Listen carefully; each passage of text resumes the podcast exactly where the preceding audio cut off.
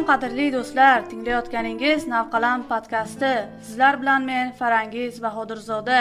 Har bir buyuk shoir yo yozuvchi albatta navqalamlik bosqichidan o'tgan va aynan shu bosqichni samarali o'tkazish ijodkorni kamol topishida muhimdir. Navqalam yosh iste'dodli qalamkashlar to'g'risida hikoya qiladi.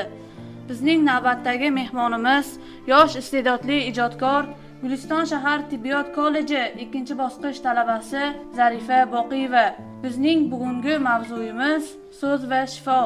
Eslatib o'tamiz ushbu podkast gmb pictures maktabining qo'llab quvvatlashi bilan yozib olinmoqda. Xush kelibsiz zarifaxon avvalo assalomu alaykum qadrli navqalam ijodkorlari. Bugungi ko'rsatuvga taklif qilganlaringiz uchun katta rahmat. Men bundan juda ham xursandman. Negaki men ijodimni juda ham yaxshi ko'rardim lekin ommaga ko'rsatishga juda ham uyalganim sababli sizda insonlar buni ommaga olib chiqib ko'rsatadi. Men bundan juda ham xursandman bugun biz siz bilan ijodiyotingiz va tibbiyot borasida suhbatlashamiz. Aytingchi ijod gulshaniga necha yoshingizdan kirib kelgansiz? Man ijod gulshaniga e, maktab paytlarim. Taxminan o'n olti yoshlarda edim. Ilk bor she'rimni yozganman vatan to'g'risida. O'shandan so'ng asta asta yangi she'rlar yoza boshladim. Bu she'rlarimni ko'p maktablarga borganimda ko'p ustozlarim tekshirib ko'rib berishar edi. Ularning tavsiyalari maslahatlari tufayli ijod gulshaniga kirib kelganman va hali ham qiziqaman. Hali ham ijodimni davom ettirib kelaman. Bu ishdan man juda ham zavqlanaman. Qachonki she'r yozsam yoki she'r o'qisam juda ham xursand bo'laman. Ya'ni dam olaman desam adashmayman. She'riyatga qiziqishingizda turtki beradigan narsa kim yoki nima? Nima deb o'ylaysiz sizga nima kim turtki beradi she'r yozishingizga? Har birta narsaga sababchi bo'lgan turtki bo'lgan narsa bo'ladi. Mani ham she'r yozishimga sababchi bo'lgan insonim bor. Bular ya'ni maktab paytimda til va adabiyotdan dars bergan ustozim mm, sodiqa bo'ladilar. Man ularni e, aytgan gaplari yoki o'qib bergan asarlarini juda ham yaxshi ko'rardim. Shuning sababli e, ularga katta rahmat aytaman. Ular mani nutqimni rivojlantirishga katta hissa qo'shganlar desam adashmayman. Sodiqa muallimam tufayli e, shu darajaga yetib kelganman va she'riyat gulshaniga ya'ni shu ijodga kirib kelishimga ular sababchi bo'lgan she'riyatda o'qishsiz bo'lmaydi chunki shoirni dunyoqarashi juda muhimdir. Ko'proq qaysi yozuvchi va adiblarni ijodiga qiziqasiz o'qiysiz mutolaa qilasiz xirgoyi qilasiz?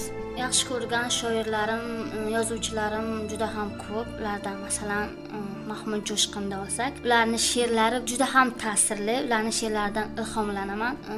Kuch quvvat olaman desam ham bo'ladi. Undan tashqari behalicha ahmedovaning she'rlarini sevib o'qiyman mutolaa qilaman. Va o'zbekiston yozuvchilaridan ham qiziqadigan insonlarim bor. Masalan zahiriddin muhammad bobur abdulla qodiriy. Ayniqsa abdulla qodiriyning o'tgan kunlar asarini qayta qayta o'qiyveraman. Negaki bu asar menga juda ham yoqadi. Juda yaxshi ishlangan yozilgan. Haligacha bu asarni yaxshi ko'raman sevib mutolaa qilaman. Iloji bormi o'sha asardan to'rt qator aytsangiz? Eng yodingizda qolgan qiziqarli joylarini. Qiziqarli joylari nima desam bo'larkan? Mm, ularni uchrashuv vaqti bo'ladiku masalan bir birini ko'rmasdan turib ular bir biriga ko'ngil qo'yadi ko'rmasdan turib. Masalan to'ydan keyingi voqea desak bo'ladi. Bilmagan holda o'zlari o'sha sevishgan insonlarga yetishgan holda yoki siz o'shami degan so'zi bor o'sha yerda o'sha joylari masalan ko'proq yodimda qolgan. Rahmat. Bugungi uchrashuvimizga ham yangi ijod namunalaringizdan olib kelgan bo'lsangiz kerak albatta. So'z isboti bilan deyishadi. Albatta olib kelganmiz. Yangi she'r tandirdan yangi yozilgan she'r yozib keldim. Hali ustozlarimni qo'lidan o'tmadi. Agar xato kamchiliklari bo'lsa uzr so'rayman oldindan. Unday bo'lsa eshitamiz birgalikda muhabbat ishqingda kuymagan bormi? Qancha oshiqlaring senla bedormi? Bergan tuhfalaring diliga ozormi? Muhabbat qalblarni ado qilgansan ko'chayu kuylarda gado qilgansan. Go'zal ta'riflaring kuylandi rosa kimlardir bu darddan qildi xulosa senla birga bo'lmasdim gar menga qolsa. Muhabbat qalblarni ado qilgansan ko'chayu kuylarda gado qilgansan. Rahmat qalamingiz gullab yashnayversin ayni vaqtda tibbiyot kollejida o'qiyapsiz ham ijod qilyapsiz. Bu siz uchun qiyin emasmi? Ya'niki she'riyat umuman boshqa e, tibbiyot o'shaning uchun savolimizga. Juda ham kutilmagan savol bo'ldi. Har narsani va har ishni o'ziga yarasha qiyinchiligi bor. Mm, qiyinchiliksiz bir maqsadga erishib bo'lmaydi. O'shanday ekan manda ham qiyinchilik bo'lgan boshida bo'lgan. Lekin tibbiyot sohasiga kirganimdan so'ng u yerda mani ustozlarim yaqin do'stlarim qo'llab quvvatlashlari tufayli bu sohada hozircha qiyinchilik yo'q. Lekin boshida qiyinchilik bo'lgan. Chunki har narsada qiyinchilik bo'ladi. Bo'lajak hamshirasiz. So'z va shifo bu so'z siz uchun qanchalik ahamiyatli? Sizningcha e, eng yaxshi hamshira qanday bo'lishi kerak? Bizni sohamizda shirin so'z juda ham katta ahamiyatga ega. Nega desangiz birinchi navbatda hamshirani qilgan muomalalari bemorga bo'lgan munosabatlari uni hattoki dardiga malham bo'la oladi. Shirin so'z qanchalik shirin so'z bo'lsangiz qanchalik e, bemorlarga munosabatingiz yaxshi bo'lsa ular kundan kunga sog'aya boshlaydi. Manimcha bo'lajak hamshira hamma tomonlama bo'lishi kerak. Hamma tomonlama bemorlarga bo'lgan munosabati yaxshi bo'lishi kerak. Bu narsa bizning e, tibbiyotimizda deontologiya deb ataladi. Ya'ni bemor va hamshira o'rtasidagi munosabat ularni o'rtasidagi aloqalik. Bu e, bu xulq atvoringiz shirin so'zingiz tufayli hattoki og'ir yotgan bemorni ham dori darmonsiz oyoqqa turg'izishga qurbingiz yetadi. Bu albatta o'zimizga bog'liq. Nima deb o'ylaysiz? Shoir uchun nima muhimdir? Shoirning ijodi uchun nima muhim deb o'ylaysiz? Shoir hamma narsadan ilhomlanadi. Tabiatdan yoki yon atrofdagi do'stlaridan vatanidan yoki onasidan do'stlar ustozlaridan hamma narsadan ilhomlanadi. Man uchun o'zimni fikrimcha shoir uchun muhimi toza qalb va uning keng dunyo qarashi. Agarda shoir bir narsani dildan qalbdan his qilsagina she'r yoza oladi. U hamma mavzuda she'r yozishga qurbli inson bo'lishi kerak nega desangizki she'rni darddan iborat deyishadi. Mahmud jo'shqin shunday deb o'tganlar o'zini asar yoki she'rlarida darddan iborat deyishgan. O'shanday ekanki har narsani shoir dildan qalban his qilibgina his qilib she'r yozsa uni ijodiga yana ham yaxshi bo'ladi deb o'ylayman. Asl shoir sizningcha. Kimning dardi bilan yashashi kerak? Kimning dardini bayon eta olgan shoir haqiqiy shunavandasining o'quvchisining qalbiga yetib bora oladi? Manimcha haqiqiy shoir bu xalqni dardi bilan yashaydi.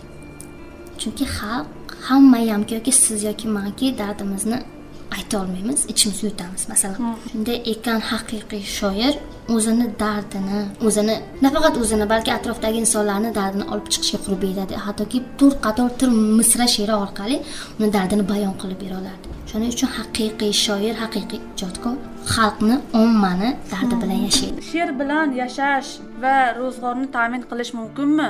Negaki shoirlarni qalam haqqi va shoirlikdan topadigan daromadi unchalik ko'p emasdek tuyuladi bizning nazarimizda. To'g'ri bu gap bor gap to'g'ri ularni topadigan daromadi oilasini yuritmaydi degan gap ham rost. Shoir boy bo'lmaydi degan gap ham bor. Xalqda shoir bo'lib e, qancha daromad olib keldingki degan o'y xayollar ham bo'ladi. Oilada kelishmovchiliklar ham bo'ladi. Yo'q eng muhimi odamni o'ziga bo'lgan ishonchi. Shoirni maqsadi daromad topish emas shoirni maqsadi asosiy maqsadi. O'zi yozgan she'rlari asarlari maqolalari tufayli e, ommaga yaxshi meros qoldirish. O'zini asarlari tufayli yaxshi meros qoldiradi. Uning maqsadi daromad yoki pul emas. Uning maqsadi insonlarni ko'nglida kamgina bo'lsa ham joy qoldirish joy olish. Albatta yaxshilik taraflama. Bu she'r orqali orqali bitta inson har narsaga ega bo'lishi mumkin. Masalan yomonlikni yomonlikdan nari yurishni yoki yaxshilikni yaxshilik qilishni yon atrofdagi odamlarni sevishni. Masalan bitta she'r orqali mm, bir insonni boshqa tomonlama o'zgartira olishingiz mumkinda to'rt misra she'ringiz orqali. U odam mumkin sizni she'ringizdan yomon bo'lsa yaxshi bo'ladi agar yaxshi bo'lsa mumkin yomon bo'lishi ham mumkin. Chunki insonni yomon bo'lishi judayam oson yaxshi bo'lishi judayam qiyin. O'shanday ekan ularni maqsadi pul topish daromad topish emas. Insonlarni ko'nglidan yaxshigina joy olish ularni yaxshilikka ezgulikka yetaklash madhiyalar haqida nima deb o'ylaysiz? Madhiya aytadigan shoirni qanchalik omma qabul qiladi? Hozir madhiyago'ylar qanchalik bor? Madhiya madhiyalarmi madhiyago'ylar juda ham kam qolgan. Ancha juda ham kam qolgan desam adashmayman.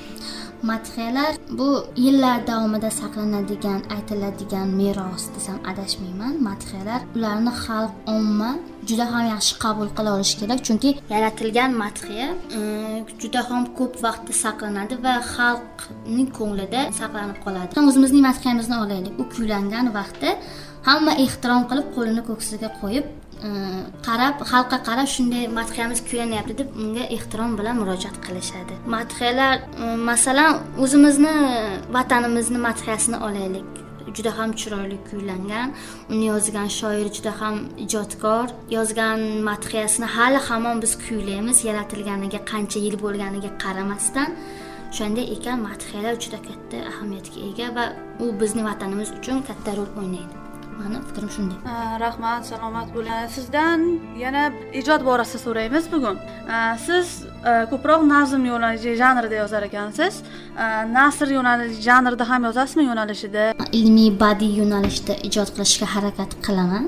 Nega desangizki badiiy badiiy ilmiy yo'nalishda vatan ona to'g'risida sevgi to'g'risida ko'proq she'r yozaman sevgi muhabbat to'g'risida ko'proq she'r yozaman manimcha mani yoshimdagi insonlar ko'proq shu mavzuga murojaat qilishsa kerak shuning uchun badiiy ilmiy tomonlama ko'proq ijod qilaman ijod yo'limda shu yo'l orqali olib boraman bugungi bizni tinglayotgan tinglovchilarimizga va tengdoshlaringizga tilak va tavsiyalaringiz bugungi navqalam ijodkorlari hamda o'zimning tengdoshlarimga tilagim shuki hayotda o'z o'rinlarini topishlariga harakat qilishsin o'z maqsadlari yo'lida faqat olg'a qadam oldilariga faqat bitta shiorni qo'yib o'sha shior bo'yicha ijod qilishlariga faqat ijod hamma tomonlama bo'lishlariga o'qish ishlariga eng muhimi atrofdagi odamlarni qalbidan joy olib ularga yaxshilik qilishga intilishsin deb tavsiya beraman. Tilaklarim shulardan iborat. Muhimi shuki inson bir kishini ko'nglida dog' emas yaxshilik qoldirishi kerak. Jamiyatga yaxshilik e, yaxshilik qilib yashash kerak inson. Mani shiorim shundayki yaxshilik qilib yasha bu narsa yaxshilik insondan yaxshilik qiladi. Masalan o'tganingizdan so'ng bu inson yomon edi deb emas yaxshi inson edi deb eslasa bu yaxshi bo'ladi. Bir daraxt ekilsa undan meva qoladiku uni mevasini bahramand shundayki inson ham shunday o'tgandan keyin sizga yomon edi deb emas yaxshi edi deb eslashlari kerak. Shuning uchun ularga tavsiyam shuki hech qachon yomonlikka emas yaxshilikka qarab intilishsin va vatanimiz uchun muhim kerakli kadrlar bo'lib chiqsin. Tibbiyot sohasi bo'yicha ham masalan yoki qandaydir ijod sohasi bo'yicha ham hamma tomonlama yaxshi kadrlar bo'lib vatanimizga yaxshi xizmat qiladigan insonlar bo'lishsin. Shu jumladan bugungi navqalam ijodiyotiga ham katta omad va o'qishlariga kelgusi ishlarida omadlar tilayman. Mana shunday suhbatlar ko'payaversin chunki bizga o'shqagan yoshlar Э, ommaga taqdim etilyapti tanilayapti. Shunday ekan ularga ham kelgusi ishlarida muvaffaqiyat tilab qolaman. Shular shu borada sizga ham kattakon rahmat aytaman shu suhbatga taklif qilganingiz uchun.